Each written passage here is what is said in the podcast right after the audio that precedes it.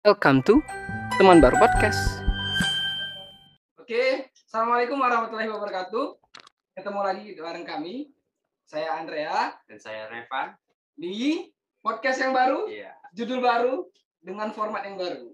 Jadi kita Hmm. bukan lagi quick podcast teman-teman. Nah, Nah, podcast kita sekarang adalah teman baru. podcast.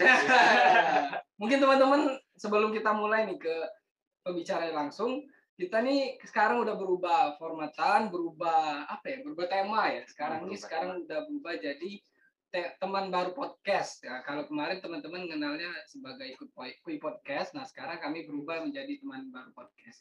Karena kami merasa bahwasanya setiap podcast-podcast, eh, setiap episode yang kami eh, doing, kami lakukan itu selalu menemukan hal-hal baru dan juga ketemu dengan orang-orang baru gitu. Jadi eh, menurut kami ya tema teman baru ini sangat cocok gitu dengan podcast kami berdua gitu kan dan podcast kita bersama. Jadi ke depannya eh, podcast kita ini bakal selalu dengan topik yang baru dan juga teman-teman kita yang baru gitu. Dan hari ini kita sudah kedatangan teman baru lagi.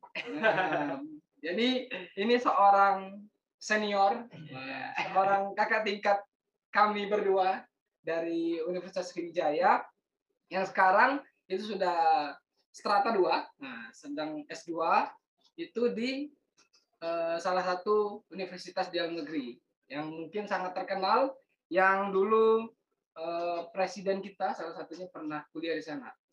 Itu bukan. Oh, bukan. Itu kan itu kan ITB. kalau, kalau presiden kita kan UGM. Oh iya. ini kan Pak Habibie? bukan eh, Pak Habibie. Oh iya, Pak Ah, Habibie, iya. ya, Pak Habibie. Iya. Jadi mungkin teman-teman udah tahu lah ya kalau dibilang Pak Habibie. Berarti di ITB. Nah, jadi eh, beliau ini juga masuk ke ITB ini lewat biasa eh, lewat jalur beasiswa. Nah, yang paling terkenal itu biasanya untuk eh, apa namanya magister dan doktor itu biasanya LPDP. Nah, ini Nah, di sini kita akan sharing gitu kan. eh, apa sih itu kan LPDP dan Hmm. apa sih keunggulannya LPDP gitu kan. Nah, mungkin Kak Riza bisa sharing experience pada saat Kak Riza ini nge-apply beasiswa LPDP gitu. Iya. Karena ada proses seleksinya loh teman-teman. Iya, benar. Oke, Jadi langsung saja kita sapa dulu nih Kak Riza. Halo Kak Riza. Halo. Halo. Assalamualaikum Kabar semuanya. Kak Riza? Alhamdulillah luar biasa. Kalian gimana kabarnya? Oke. Sama juga. Kita juga baik-baik juga. Pak. Doing good. Baik-baik ya berdua. Iya. Kalau nggak baik-baik berantem nggak jadi podcast nih jadinya. Kami selalu harmonis kok Kak. Kami berdua harmonis terus. kok. Nah, sebelum itu Kak, ah, sebelum kita ngobrol gitu kan seputar beasiswa LPDP dan seputar apa kampus ITB dan sebagainya, Kak, Kak Riza bisa nih kenali diri dulu biar teman-teman kita lebih kenal gitu kan. Karena Hmm. ada pepatah tak kenal maka Tak tak sayang. Mungkin bisa kenalan dulu Kak sama pendengar podcast kita. Halo semuanya. Jadi aku Riza Agung Ismadi eh, dari Belitang kebetulan dan sekarang juga masih stay di Belitang karena proses studinya juga masih online. Eh ya betul dulu eh, seniornya dari Revan dan Andrea dulu tapi beda jurusan satu fakultas. Jadi eh, aku 2015 masuk eh, Unsri di Fakultas Pertanian jurusannya Teknik Pertanian. Kebetulan sekarang lagi studi di ITB Alhamdulillah, Institut Teknologi Bandung di Fakultas Teknik Sipil dan Lingkungan untuk programnya Magister Teknik Lingkungan. Jadi benar yang dikatakan Revan, Alhamdulillah, sama Akbar, kalau semuanya eh, saya masuk ITB itu melalui beasiswa, dan beasiswanya itu beasiswa LPDP, Lembaga Pengelola Dana Pendidikan, untuk eh, masuknya di masuk LPDP-nya di 2019 kebetulan tapi masuk ITB-nya baru di 2021 ini. Jadi Januari kemarin mulai eh, masuk reguler di kampus ITB-nya. Cukup sekian dulu. Iya. Iya. Nah ini mungkin mau tanya dulu nih Kak. Terkait LPDP ya. Boleh, boleh. Em, kadang-kadang kan kita itu kepengen nih misalnya ada niat untuk S2 kemudian nyari-nyari beasiswa gitu. Dan ketika kita pas jadi mahasiswa ketika kita S1 pun beasiswa-beasiswa itu sebenarnya banyak banyak banget. Nah, cuma kalau Kakak sendiri ketika ini ini kan Kakak sudah alhamdulillah dapat eh, beasiswa LPDP. Nah, apakah kakak ini sudah memang jauh-jauh hari itu mempersiapkan ini ketika kakak dari S1 dulu? Nah, entah dari semester berapa, entah dari maba kakak mungkin udah kepikiran untuk bisa dapat LPDP S2 gitu. Kak. Udah ada Iya. planning-planning belum gitu kan? Karena ada di podcast sebelumnya itu cuma persiapan satu minggu loh. Nah iya, iya kalau soalnya kalau Kak Citra kemarin kan dia tuh persiapannya loh di waktu yang sangat mepet sekali Iya kan. betul betul. betul. Nah kalau kakak sendiri, Oh pernah. Pernah Iya, sama Kak Citra juga. Iya kemarin sama Kak Citra. Iya, waktu dia dia ke UK itu, waduh, Iya. kayaknya. eh, cuma satu minggu. Nah gitu kan. itu. Nah, Nah, kalau Kak Risa sendiri itu punya planning nggak nyusun planning untuk mungkin kehidupan perencanaan studi 2 sampai lima tahun yang akan datang gitu. Itu gimana kalau Kak Risa? Sebetulnya kalau dari kakak pribadi itu untuk lanjut S2 tuh belum terlalu kepikiran waktu itu deh ya kalau di awal-awal kuliah. Karena dulu cita-citanya juga masih kayak kuliah dulu selesai baru kayak kerja terus ya nanti kalau ada rezeki baru lanjut S2 gitu. Tapi di pertengahan studi kayak ada panggilan aja, kayak ada calling dari diri sendiri kayak dari dalam hati kok pengen aja terjun ke satu bidang eh, pekerjaan yang tapi syaratnya membutuhkan S2 waktu itu kebetulan. Jadi jujur kakak pengen jadi dosen gitu, pengen di bidang akademisi. Terus karena ngelihat persyaratan untuk jadi dosen kan harus S2 ya. Dan mau nggak mau kayak eh, ya harus lanjut S2 gitu. Terus ya sebenarnya agak bimbang juga karena S2 kan juga otomatis kayak pengorbanan untuk waktu untuk studinya juga lebih lama terus lulus kuliah juga harus kuliah lagi mikir lagi terus di tengah-tengah yang teman-teman lain ada yang udah kerja ada yang ada yang udah membangun karirnya kita harus kayak studi lagi mengorbankan waktu lebih lama untuk ya menggapai cita-cita kita gitu ya men- menggapai target kita. Eh sama kayak Kak Citra jujur kakak tuh persiapan untuk studinya juga satu minggu untuk apply LPDP kurang lebih eh dua sekitar dua minggu dua mingguan. Karena kami tuh lulus di Agustus deh ya Agustus itu tuh udah periode akhir sekitar tanggal 23-an kakak tuh tes TOEFL 23 terus LPDP itu tutupnya untuk submit berkas itu 10 September jadi kayak kurang lebih dua mingguan dan itu harus nyelesain berbagai berkas yang dibutuhin kayak surat keterangan kesehatan, proposal, rencana studi, terus rekomendasi dari dosen dan lain sebagainya kan. Jadi ya kurang lebih efektifnya seminggu untuk untuk benar-benar mempersiapkan diri, milih tujuan studinya mau ke mana, dan disesuaikan juga kayak eh, dari berkas-berkas kita itu tuh kita eligible-nya mau ke mana gitu kan. Itu benar-benar kayak dua minggu. Jujur kakak dulu malah pengennya nggak LPDP. Kakak tuh malah pengennya dapat beasiswa dari kampus yang kakak tuju gitu atau enggak dari negara yang memang kakak tuju itu tuh pengen pengennya kakak karena ngerasa aja sih kayak udah dari S1 tuh kakak ngambi- ngabisin banyak duit negara gitu loh. Kakak tuh S1-nya bidik misi ya? Kakak tuh S1 bidik misi terus kebetulan pas S1 tuh dapet kurang lebih lima beasiswa apa ya kakak tuh? Bidik misi. Terus bidik misi ya bidik misi. Terus program AIMS yang dari fakultas yang dari Kemendikti itu ya Kemendikbud. Ya dulu Kemendikti. Terus apa namanya eh Bakti Nusa terus ada beasiswa data print juga sih oh empat beasiswa. Nah jadi kayak ngerasanya udah udah banyak ngabisin beasiswa dari negara gitu loh ya. Dan kayak pengen aja nyoba beasiswa dari dari negara tujuannya kan. Jujur dulu kakak tuh pengennya ke Turki kalau nggak ke Belanda kan antara dua negara itu. Tapi kebetulan LPDP pas bukaan pas kakak lulus. Jadi ya udah coba dulu gitu dicoba dulu apa yang ada kan kesempatannya dan alhamdulillah sampai sekarang dan sampai ke ITB malah. Itu sih. Jadi kalau persiapannya berapa tahun sambil jalan sih tapi menemukan passion kayak mau ke akademis bidang akademisi mau ngedosen itu pas di pertengahan studi. Nggak dari maba-maba merencanakan tuh enggak. Terus kayak mau merencanakan ke LPDP yang itu tadi dua mingguan dua mingguan sama kayak Kak Citra Oh iya kak.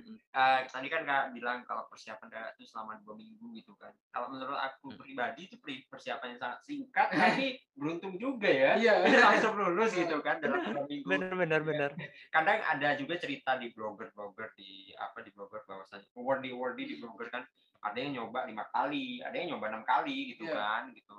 Nah tapi kak Riza nih luar biasa loh dalam dua- dalam waktu dua Eh, minggu. Iya.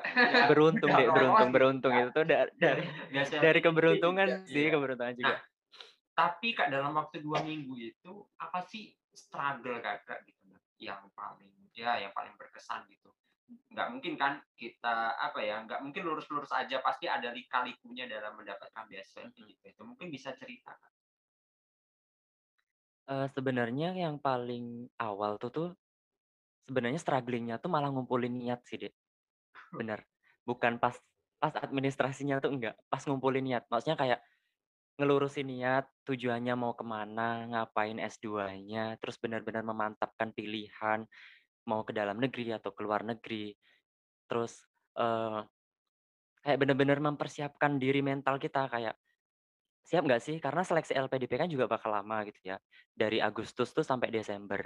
Dan itu tuh kayak harus bolak-balik ke kota tujuan seleksi kita. Karena di kebetulan LPDP di Palembang tuh belum belum ada gitu dan nggak ada di Sumatera itu cuman ada Aceh, Padang, Pekanbaru kalau nggak salah, Medan. peluang nih kak kakak Siap. bisa bisa ngedirikan Nah, LPDP terus basis Palembang deh eh, itu kayaknya harus ngusul itu kayaknya harus ngusul ke ke kementerian dulu deh Kementerian Keuangan karena kan yang menyelenggarakan Kementerian Keuangan deh ya. Jadi ya kita manut-manut aja lah. Terus ya itu tadi kayaknya strugglingnya tuh bener-bener pas ngumpulin niat ngelurusin terus kayak mau mau ke mananya tujuannya. Terus sebenarnya kalau kalau itu udah dapet terus tujuan kita studi itu mau apa terus eh, tujuan program studinya mau apa mau ke negara mana terus nanti setelah studi itu tuh bakal ngapain kalau semua itu tuh udah runut udah dapet ke belakangnya bakal mudah kok kayak karena berkas-berkas yang dibutuhin kayak rencana studi proposal studi itu tuh bakal ngikut dari yang itu tadi yang yang kita persiapin tadi.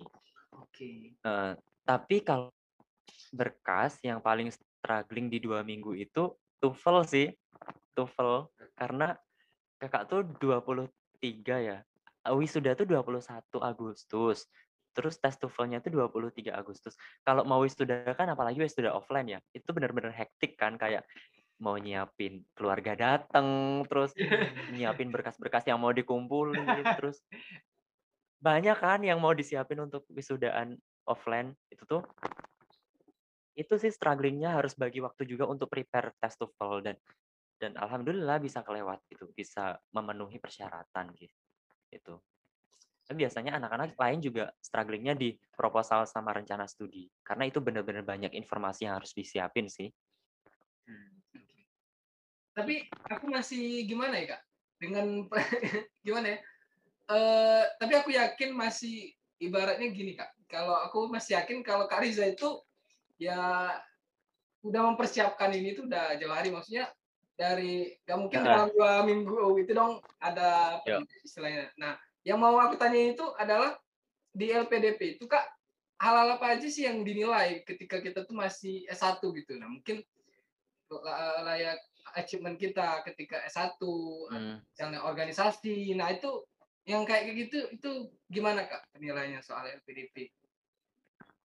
Eh, kalau balik lagi ke persiapan tadi deh ya karena disinggung Andrea Iya. jujur kakak tuh persiapan kalau pengen rencana lanjut studi kan dari tadi pertengahan studi ya pas nge- ngebetnya tuh pas balik dari Thailand gitu Eh, karena kayak ya ngelihat jadi dosen tuh udah calling aja panggilan dari diri kayak pengen aja terjun ke dosen mengabdi mengajar terus memberdayakan gitu kan kalau di dosen. Terus jadi kayak udah ngerencanain nyusun kayak dulu tuh jujur ya tadi tujuan kakak tuh kalau ke Turki ya ke Belanda. Tapi selama proses itu kakak juga nyiapin gitu, nyiapin eh, kira-kira kalau beasiswa tuh yang dibutuhin apa?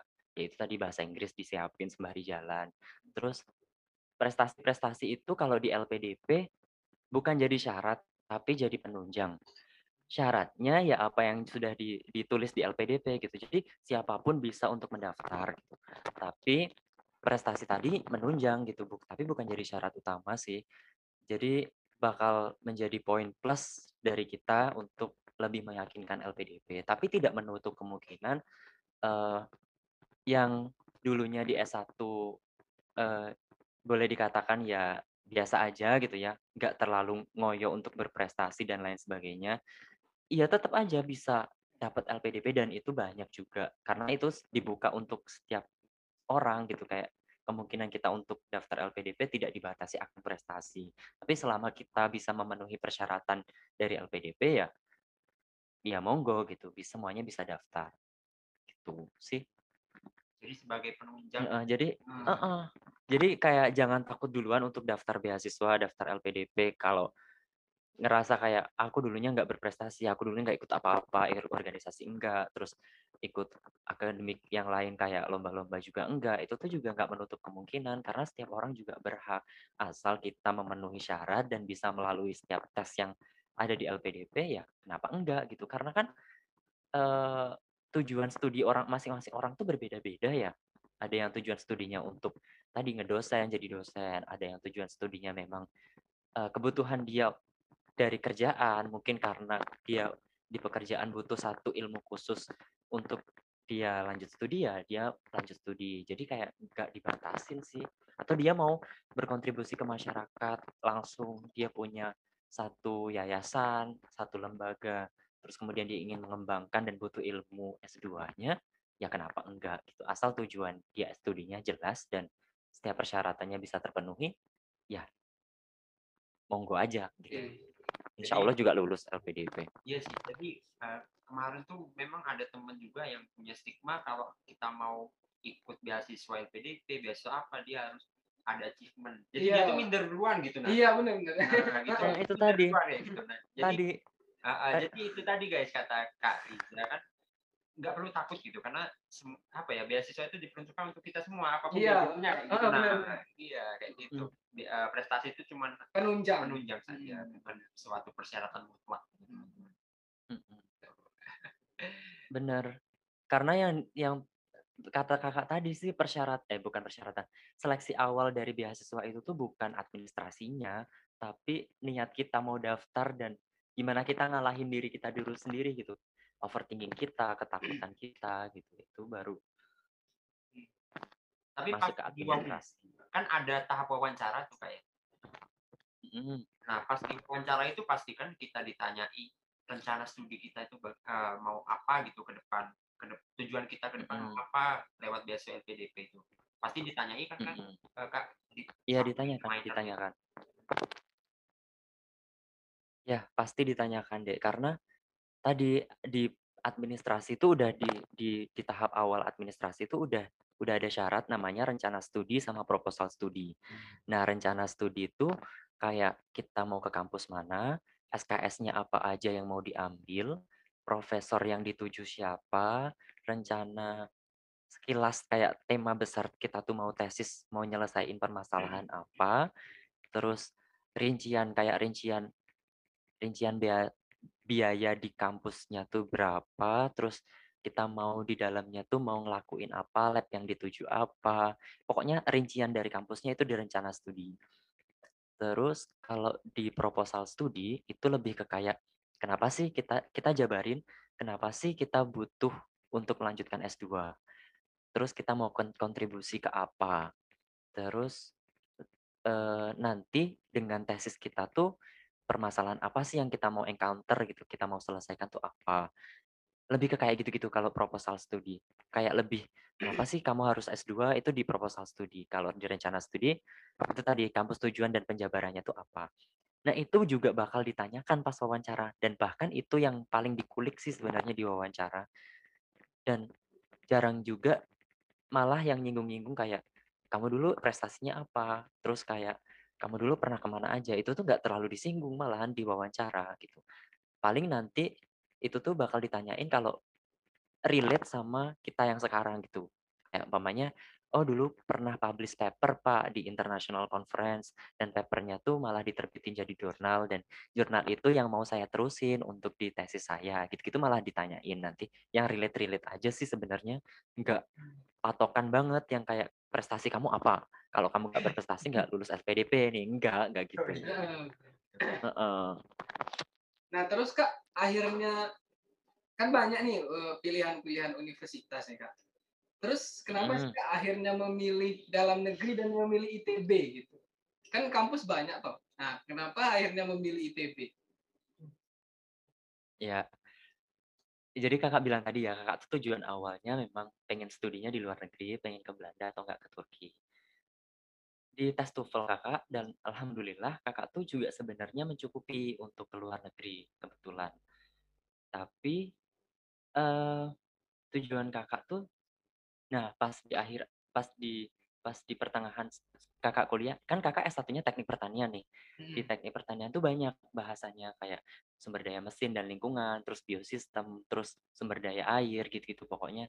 Pokoknya banyak keteknikan kan kalau di Teknik Pertanian lebih lebihnya bahasanya. Nah, di tengah perjalanan studi Kakak S1 tuh Kakak tertarik untuk ke bidang lingkungan gitu, kayak dampak teknologi dan rekayasa dalam pertanian ke lingkungan tuh apa sih? Terus kayak pengelolaan di bidang lingkungan pertanian berkelanjutan tuh gimana sih? Itu Kakak tertarik di bidang itu gitu.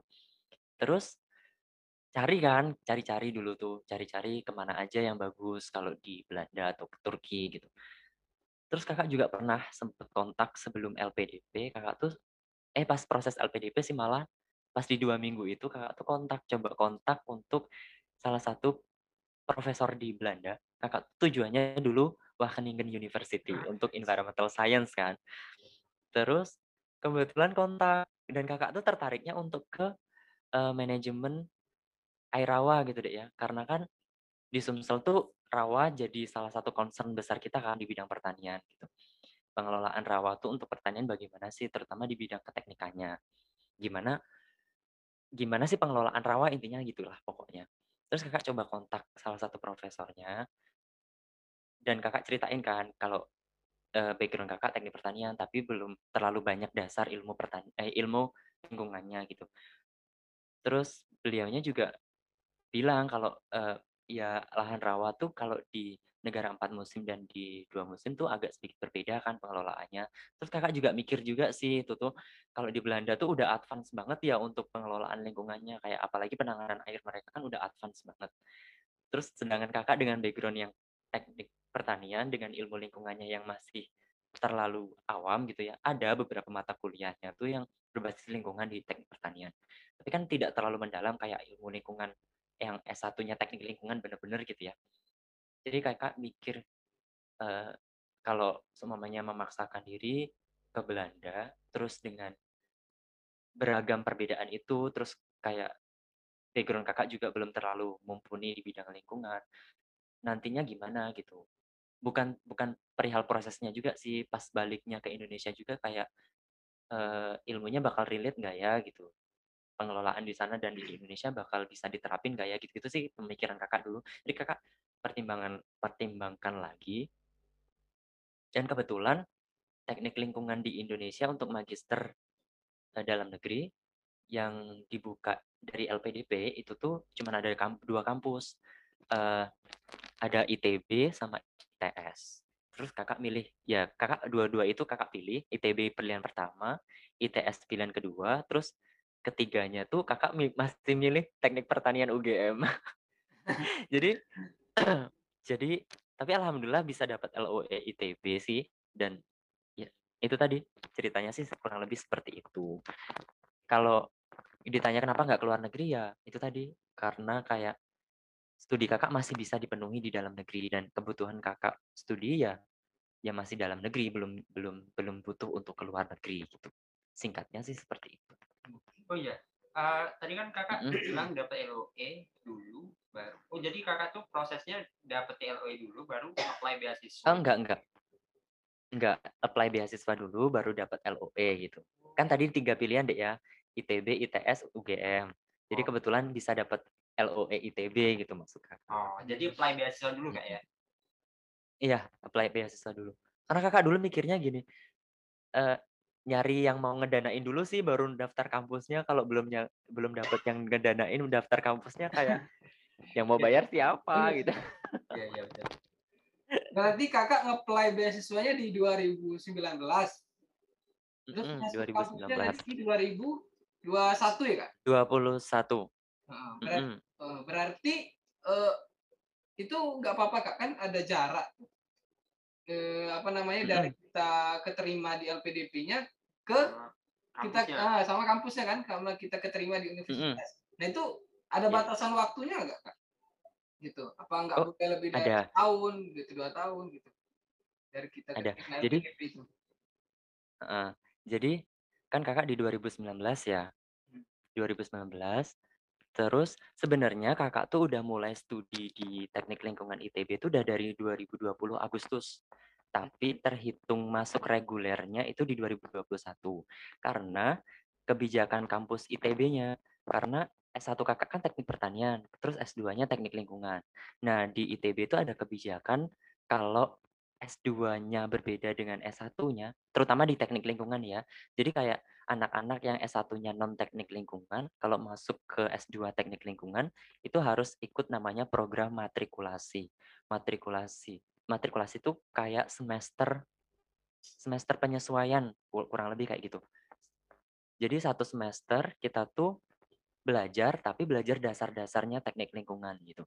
Untuk yang anak non teknik lingkungan. Jadi satu semester itu tapi tidak terhitung SKS. Kayak tetap bayar UKT, tapi nggak terhitung UKS. Eh UKS, SKS gitu. Jadi jadi satu semester itu kayak mm, percobaan aja. Kalau satu semester bisa lewat dan mem- nilainya memenuhi standar ITB, nanti bakal masuk ke kelas reguler gitu. Kalau dari LPDP sendiri sih eh, batas waktunya itu satu setengah tahun deh ya untuk mengumpulkan LOE. Terus kebetulan kema- sebenarnya tergantung juga sih kalau dia program afirmasi kan di di ITB banyak banyak jalur masuk ya. Ada afirmasi, ada reguler, terus ada targeted group. Nah, kalau anak-anak afirmasi itu dia bakal dapat namanya program pengayaan bahasa. Kalau nilai skor bahasa Inggrisnya itu masih di bawah eh, syarat dari kampus. Contohnya ya nih, kalau ITB itu syarat masuknya itu TOEFL-nya 475. Nah, anak-anak yang skornya di bawah 475 nanti dari LPDP bakal dikasih namanya program pengayaan bahasa. Jadi, dia bakal di training bahasa Inggrisnya untuk mencapai target dari kampusnya gitu. Jadi anak-anak yang di, di bawah 475 yang tujuannya ke ITB bakal dapat pengayaan bahasa. Nah, untuk anak-anak yang dapat pengayaan bahasa itu masa untuk mengumpulkan eh, LOE-nya itu satu setengah tahun dari dia selesai pengayaan bahasa. Tapi kalau anak-anak yang nggak dapat pengayaan bahasa itu satu setengah tahunnya itu terhitung pas dia dari pengumuman. Jadi kakak kemarin pengumuman Desember, kebetulan kakak nggak dapat pengayaan bahasa meskipun kakak afirmasi, jadi terhitungnya satu setengah tahunnya itu dari Desember. Jadi untuk anak-anak yang pengayaan bahasa itu satu setengah tahunnya terhitung dia selesai pengayaan bahasa gitu. Gitu. Ini baru tahu nih kak. Ah. Ada pengayaan Iya. ini baru tahu sih. Pengayaan baru. Heeh, itu itu berlaku itu juga kalau itu. yang luar negeri juga juga nggak kak? iya Hmm. ber- berlaku juga untuk luar negeri. Jadi kan di LPDP kan syarat antara anak afirmasi sama anak reguler beda ya skor bahasa Inggrisnya. Hmm. Udah tahu belum kalian? Tahu kan ya? Udah udah udah tahu. Ah, kalau di luar negeri itu yang afirmasi itu 500 bisa ke luar negeri, 500 skornya 500 bisa daftar ke luar negeri. Tapi untuk anak reguler yang mau ke luar negeri itu harus 550. Iya. Jadi anak yang reguler mau daftar ke dalam negeri itu harus 500. Jadi anak afirmasi 500-nya bisa ke luar negeri, anak reguler 500 baru bisa daftar ke dalam negeri gitu. hmm. Jadi itu sih kenapa kenapa dikasih fasilitas pengayaan bahasa karena eh, itu tadi yang afirmasi pengayaan ba- apa skor bahasa Inggrisnya untuk LPDP tidak terlalu tinggi setinggi reguler gitu. Tapi pe- pengayaan ini cuma berlaku untuk yang afirmasi ya kak? Eh, afirmasi, afirmasi doang. Afirmasi kan banyak, ada afirmasi bidik misi, afirmasi santri, afirmasi Indonesia Timur. Nah, itu semua dapat kok, dapat. Dan nanti pengayaan bahasanya juga disesuaikan tergantung tujuannya ya. Kalau semuanya dia mau ke US bisa bisa pakai TOEFL kan kalau US. Jadi dia bakal dikasih TOEFL. Kalau dia mau ke Europe, ke negara-negara Eropa kan biasanya harus IELTS nih. Nah, dia bakal dikasihnya IELTS. Jadi menyesuaikan eh, apa namanya? persyaratan dari tujuan dia ke kampus mana gitu. Yang dalam negeri dikasihnya TOEFL. Tapi itu kak kan ditentukan oleh pihak LPDP kak ya kita mau ikut pengayaan bahasanya itu di lembaga apa atau memang sudah disediakan atau gimana sih kak pengayaan bahasanya? Oh, kalau pengayaan bahasa random ya yang nentuin LPDP, tapi lembaga-lembaganya tuh udah ditunjuk sih. Jadi uh, dan itu juga di kota-kota tertentu Oh, kayak mm kayak Jakarta tuh ada UIN Syarif Hidayatullah, ada UI, terus kalau Bandung ada UPI, Unpad ada nggak ya? Pokoknya di kota-kota tertentu gitulah, Semarang, di Undip, terus UGM. Biasanya tuh di lembaga bahasa dari kampusnya. dari kampusnya. Jadi nanti anak-anak anak-anak yang dapat afirmasi tuh ngumpul di kota yang dia mau pengayaan bahasa kan. Dan itu juga dikasih fasilitas, dikasih fasilitas sudah dapat uang uang saku bulanan, terus udah dapat segala fasilitas di pengayaan bahasa kayak buku-bukunya, biaya programnya juga udah dibiayain. Dan nanti pas mau tes official, baik IELTS maupun TOEFL juga udah dibiayain dari LPDP-nya. Jadi tinggal berangkat aja. Terus dapat juga uang transport mau balik balik pergi gitu. Dapat juga. Oke. Jadi program pengayaan ini uh, masuk terinclude dalam beasiswa LPDP kak ya tadi kan? Mm-mm, terinclude Yang- udah. Yang Memang tidak udah dapat. itu berarti yang matrikulasi itu yang kakak bilang tadi itu. Oh iya, kalau matrikulasi terinclude tapi hanya uang SPP. Oh. Jadi uang UKT UKT-nya yang dibiayain tapi eh kayak biaya hidupnya belum dapat karena dia Oh, masih terhitungnya kan di luar. Karena yang matrikulasi itu sebenarnya kakak itu sebenarnya eh studinya nanti bakal dua setengah tahun. Jadi studi S2K dua setengah tahun normalnya gitu. Tapi yang di yang di cover LPDP itu dua tahunnya. Tapi yang matrikulasi itu UKT-nya yang ditanggung, yang lain nggak ti- nggak ditanggung. Jadi alhamdulillahnya karena pandemi ya, jadi nggak harus ke Bandung sih. Jadi kayak ada hikmahnya juga bagi kak pandemi ini. Jadi masih bisa online, masih bisa di cover sih. Di rumah masih bisa bisa makan. lagi ya. mm. Jadi kalau program LPDP ini dia sudah terinclude eh, apa ya untuk STP program matri- matrikulasi, tapi Hmm. kecuali biaya Hmm. gitu Oh, kan. benar, benar. dan Mm, juga benar. uh, beasiswa LPDP bagi teman-teman yang belum sampai skor TOEFL-nya terkhusus di Afirmasi. afirmasi, Hmm. dia bisa ikut program pengayaan bahasa gitu dan Hmm. biayanya juga sudah terinclude oleh LPDP, LPDP. biaya hidupnya dan sebagainya pada saat program pengayaan bahasa seperti itu biar jelas. Oh iya, tapi iya. Tapi ini ada highlight juga ya kalau di matrikulasi itu sistemnya reimburse. Jadi kita dulu yang nanganin UKT-nya, yang nalangin UKT-nya nanti ketika kita sudah masuk reguler nih, udah udah dinyatakan lulus dan kita baru bisa dapat reimbursean dari Oh. LPDP-nya. Jadi LPDP-nya tuh mm-mm, nanggungnya ketika kita udah di reguler nanti bakal di reimburse Oh, jadi itu. Oh, gitu. jadi diganti uangnya kak ya? Mm. Mm-mm, sistemnya penggantian gitu. Oke, lagi nih kira-kira. sudah sangat jelas. Eh, sebenarnya. udah jelas banget. Jelas banget. Nah, satu eh, ada lagi kak. Apa sih challenge terbesar kakak pada saat kakak kan backgroundnya S1 kan teknik pertanian ya. Tapi pada Mm. saat S2 kan teknik lingkungan. Gitu. Teknik lingkungan ya tadi. Iya. ya.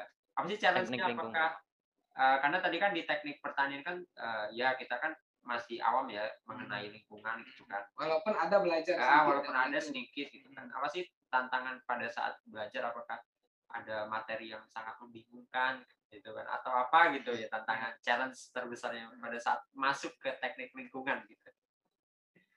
Ya, jadi eh, info aja ya kalau di teknik lingkungan ITB itu ada tiga konsentrasi, ada tiga tiga pembagian lagi gitu.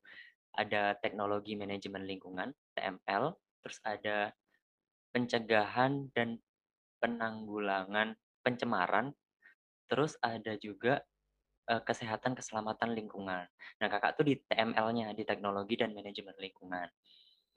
Eh, yang buat kakak agak shock tuh sebenarnya adalah semua materinya berhubungan dengan kimia, kimia dan kimia.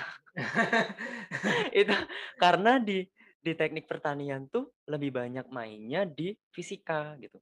Fisika Iya benar. dan heeh, fisika fisika dan dan ketek, pokoknya kalau berhubungan dengan fisika fisika fisika gitu lah kalau di teknik pertanian tuh. Jadi agak gimana ya, agak bener-bener penyesuaian la lagi gitu, bener-bener struggling-nya tuh di awal. Awal-awal tuh itu tadi, kimia tuh jadi ngulang dari awal lagi gitu loh, Dek. Karena itu tadi kan bahasan teknik pertanian, fisika, bahasan teknik lingkungan, campuran antara fisika, biologi, dan kimia, tapi lebih banyak ke kimianya, gitu. Itu sih yang jadi struggling-nya. Ya, ya. Oke. Mhm. Heeh. Nah, challenge yang kan eh, aku kan punya, eh, ada teman nih kak, dia juga eh, Mhm. apa ya, S2 juga kan di Hmm. UI gitu kan. Nah, dia juga challenge-nya gini, dia kan dari S1 langsung S2 gitu. Sedangkan teman-temannya sudah bekerja gitu nah. Nah, nah, Nah, ini oh sudah iya, itu juga. Nah, ini ini enggak mungkin kan kadang kita tuh suka banding-bandingin kan. Kalau udah pasca kampus nih ada yang S2, ada yang kerja gitu kan. Nah, sedangkan posisi kita ini misalnya S2 itu kan ya belajar lagi lah ibaratnya kan. Sedangkan Hmm. orang tuh udah yang lain udah berpenghasilan gitu kayak udah punya uang lah intinya gitu. Nah, nah kalau Kak Riza sendiri pandangannya gimana sih soal yang kayak gitu? Hmm.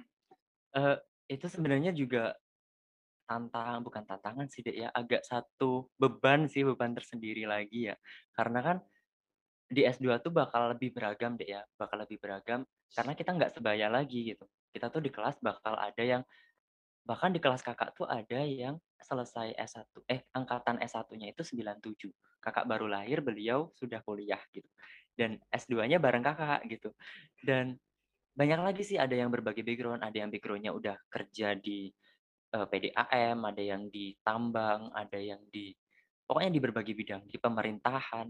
Terus itu jadi jadi satu ke-insecure-an mungkin ya, karena karena setiap perkenalan nih, biasanya ditanya sa sama dosen, "Kenapa lanjut studi?" Gitu, "Apa memang butuh dari kerjanya atau ma mau bagaimana?" Gitu. Terus kayak, "Pengalaman kerja kemarin di di di di mana?" Gitu. Itu bakal ditanyain terus kayak, "Kakak, saya fresh graduate, Pak, belum ada pengalaman kerja." "Oh, S1-nya dari mana, Mas?" "Dari teknik pertanian, Pak." Terus kayak jadi kayak udah nggak belum kerja, dari teknik pertanian lagi, kayak dosennya tuh, "Oh iya, nggak apa-apa," gitu. Menenangkan sih sebenarnya, tapi jadi insecure sendiri. Itu tuh terus itu juga ngefeknya biasanya di di tugas deh ya. Karena kan biasanya ada studi kasus nih, ada seumpamanya, mmm, apa gitu ya, satu materi tertentu, terus dibuat tugas kan, dibuat tugas. Biasanya yang udah kerja tuh bakal bawa kasus dari background kerjaan dia, yang berhubungan dengan pengalaman mereka gitu ya. Terus kita kan karena baru jadi kayak meraba-raba gitu loh kalau mereka tuh udah karena udah pernah berpengalaman dan terjun, bakal lebih banyak relate-nya gitu sih kalau itu kalau kalau itu juga jadi tantangan tersendiri gitu. Iya. Mungkin itu sih.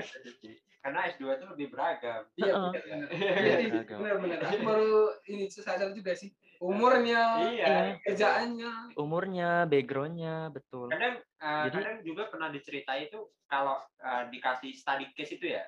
Kalau kan Mhm. eh, kan teman-teman yang sudah apa ya sudah kerja dia kan pengalamannya sudah banyak gitu kan. Jadi ada temanku yang di, dikasih study case gitu masalah startup, sedangkan Ah, dia nggak punya pengalaman soal Oh, iya, iya, startup iya. kayak gitu nah. Iya, Mhm mhm mhm. Ya apa ya bingung gitu.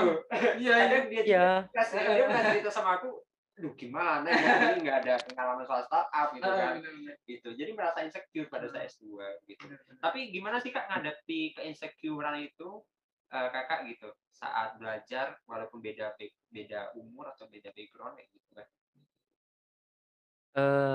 Iya nggak apa-apa, bertanya tuh nggak apa-apa, jangan malu bertanya malah. Kalau Kakak tuh malah lebih banyak, eee, nanya meskipun ya urusan gitu ya, mau ditanggapinya kayak gimana, nanya aja dulu gitu. Jadi lebih banyak bertanya, bersosialisasi, berdiskusi gitu, jangan jangan kalau kita insecure insecure jangan tambah mundur gitu. Kita malah kayak, ya udah nggak apa-apa, kita insecure tuh boleh. Karena kayak harus insecure nggak sih untuk kita lebih maju gitu. Kalau kita ngerasa nggak insecure kayak malah sok-sokan banget gitu. Jadi kalau kita sudah insecure, terus kita tahu kan, kalau insecure kan kita tahu, oh aku kurangnya tuh di sini gitu. Malah kita jadi tanya, berbenah, diskusi gitu. Terus juga jangan jangan sungkan untuk terus belajar, bertanya aja gitu. Meskipun Meskipun ya Kakak juga agak males sih sebenarnya kalau seumpamanya terus belajar gitu ya, bosen juga sih. Karena kan ya apalagi offline gini, udah offline, terus kayak belajar mulu. Jadi ya nggak apa-apa bertanya, diskusi, terus tukar pikiran. Jangan jangan jangan stuck sih karena insecure terus kita malah tambah mundur. Nah ini mungkin agak di akhir juga kak. Ini mau nanya juga. Eh, Hmm. sebenarnya kalau kita mau S2 itu dasarnya itu kak karena keinginan atau lebih ke kebutuhan itu sih kak yang mau kita tanya. Kalau orang itu kan ada bilang gitu kan kalau mau S2 itu sebenarnya harus ditanya dulu ke diri kita sendiri kan sebenarnya kita itu posisinya butuh atau enggak dengan S2 gitu? Sebagai kita tuh passion atau enggak gitu. atau keinginan? Itu kadang aku juga gimana ya kak nanggapi orang yang bertanya kayak gitu kan kadang ya sebenarnya mikir juga sih aku itu pengen S2 tapi di sisi lain ya gimana ya dibilang butuh itu ya bingung gitu butuhnya itu karena apa gitu sekarang gitu aja jadi karena kepengen aja gitu nah itu gimana sih kak kalau menurut kakak pandangan soal itu sih kebutuhan atau keinginan nah gitu Sebenarnya dua-duanya dek ya. Kalau butuh doang tapi kita nggak pengen juga nanti bakal jadi beban kan. Beban Ah. untuk menuntaskan kebutuhan kita gitu. Kalau pengen doang tapi nggak butuh kayak terus nanti ngejalaninnya udah udah ngejalanin nih, udah udah udah S2 terus kayak buat apa gitu nanti ujung-ujungnya untuk apa malah jadi jalannya nggak nggak karuan kan nggak nentu karena nggak ada goals yang mau dicapai gitu. Eh harus dua-duanya. Tapi kalau lebih berat ke mana, eh, kakak ngerasanya butuh dulu aja, butuh dulu aja baru nanti pengennya mau ke mana gitu. Disesuaikan dengan kebutuhan kita gitu. Kalau butuh sekarang nih kayak kakak baru ju- juga dulu kayak masih agak bingung. Lulus nih ya kan, lulus baru banget lulus, keluar dari auditorium gitu istilahnya 21 Agustus, terus 23 udah struggling mau S2 gitu ya. Tapi balik tadi, kakak kakak goals-nya mau jadi dosen, mau akademisi gitu ya. Amin ya Allah. Itu tuh syaratnya kan harus S2. Kalau kalau eh, mau kerja dulu, kakak mikirnya dulu kalau mau kerja dulu, nanti eh, kan kita terikat kontrak tuh kan kalau kerja biasanya. Terikat kontrak beberapa tahun, terus nanti bisa jadi di tengah perjalanan eh, mungkin karena kebutuhan perusahaannya malah kakak yang nyuruh S2 tapi mungkin nggak sesuai passion kakak atau dan lain sebagainya. Pokoknya kakak berkecamuk juga sih waktu itu. Terus jadinya kayak ya udah mumpung ada kesempatan terus butuh juga untuk mencapai tujuan nge- ngedosen tadi harus S2 jadi ya udah kakak lakuin aja ambil kesempatannya dicoba dulu. Kalau memang waktu itu kakak nggak lulus di LPDP ya mungkin bakal sembari kerja sembari eh, ngeset jalan yang lain nyari beasiswa dari kampus yang kakak tuju. Gitu sih dulu. Jadi mending mending di- seimbang aja dua-duanya. Udah butuh pengen juga jadi lanjut. Gitu. Oke. Mm-mm. oke sudah sangat jelas ya. Sudah Mantap. sangat jelas, mantap kita ngobrol soal PDP kan sampai seluk-beluknya. Heeh, udah nggak dalam Iya, malah ke teknis-teknis Iya, jadi udah gitu. mulai masuk. Nah, masuk gitu. Oke, ada mungkin terakhir nih kak, kalau Mm. dari kak Riza sendiri mungkin ada yang mau disampaikan nggak ke kita kita nih, Yang masih bingung. yang masih bingung untuk pasca kampus nih, ah, mau ngapain ah, gitu mau kan. ngapain, juga mungkin yang teman-teman kita yang masih S1 juga masih bingung gitu kan ke depannya planningnya mau ngapain gitu. Nah mungkin kakak ada ini nggak masukan tips atau hal-hal yang bisa disampaikan gitu? Oh, serius banget ya kayak Mario Teguh jangan lebih lebih ke lebih ke saran kakak sih eh, memang harus planningnya jauh-jauh hari jangan mepet-mepet. Karena kan ya setiap orang berbeda-beda gitu ya. Eh, tapi saran kakak lebih jauh kita nge-planningnya lebih baik gitu. Jadi set goals kita dulu apa kebutuhan kita apa luruskan niatnya terus ya udah mantepin dalam hati kalau memang mau lanjut lanjut gitu. Jangan jangan setengah-tengah jangan setengah-setengah gitu. Kalau setengah-setengah ya nanggung aja gitu nggak maksimal malah jatuhnya nanti nggak S2-nya nggak dapet udah buang-buang waktu gitu jadi set your goals terus jalani dengan 100%. Kalau memang udah A, ya udah A gitu. Jangan jangan banding-bandingin diri kita dengan orang lain juga sih. Nanti heeh, dan nanti temen kan pas udah udah lulus nih ya, udah ada yang kerja, udah ada yang nikah, udah ada yang mungkin rintis bisnisnya dengan berbagai penghasilan mereka. Terus nanti juga bakal banyak questions dari orang-orang. Kita kayak kenapa sih harus S2 gitu kayak ya udah mending kerja aja dan lain sebagainya. Tapi kan setiap orang punya timeline, pokoknya semua orang punya tujuannya. Jadi kayak you is you dan orang adalah orang gitu. Orang lain adalah orang lain. Jadi nggak bisa satu satu orang disamakan dengan orang lain karena sepatu kaca itu muatnya cuma untuk sendirilah gitu, nggak untuk nggak untuk yang lain, nggak untuk Bella atau untuk siapa gitu. Oke. Oke. Oke. Eh, guys, mungkin untuk podcast kita malam hari ini mungkin udah banyak banget yang kita udah Iya. bahas kan sama Kak Riza. Dan kami mau ngucapin terima kasih banyak sekali lagi buat Kak Riza. Makasih banyak Kak udah Sama-sama, kami pada hari Terima ini. kasih juga. Wow, gitu kan panjang lebar soal LPDP, soal studi, soal Iya. S2 banyak lah gitu. Dan Iya. eh, ya ke depannya kita harap ke teman-teman juga yang nonton gitu kan yang dengar podcast ini juga bisa termotivasi, juga bisa menjadi masukan tersendiri dari podcast ini semoga jadi manfaat bagi teman-teman gitu untuk bisa menjadi pertimbangan kalau misalnya teman-teman mau S2, apply beasiswa LPDP dan juga hal-hal lain lah terkait dengan studi S1 dan S2 gitu. Nah, eh, sekali lagi terima kasih Kak Riza dan juga teman-teman yang sudah mendengarkan dan pada kesempatan kali ini kami juga mengucapkan terima kasih juga kepada para pendengar dan juga para penonton eh, Ya. setia teman baru Teman podcast baru podcast. yang sekarang udah berubah ya dari Kui Podcast jadi teman baru podcast. Semoga di setiap podcast podcast kita selanjutnya selalu ada teman baru Iya. yang selalu membahas topik-topik baru dan juga punya manfaat baru bagi kita semua. Oke? Oke. Dari Mas Repan sudah yang mungkin Cukup? sudah cukup Oke.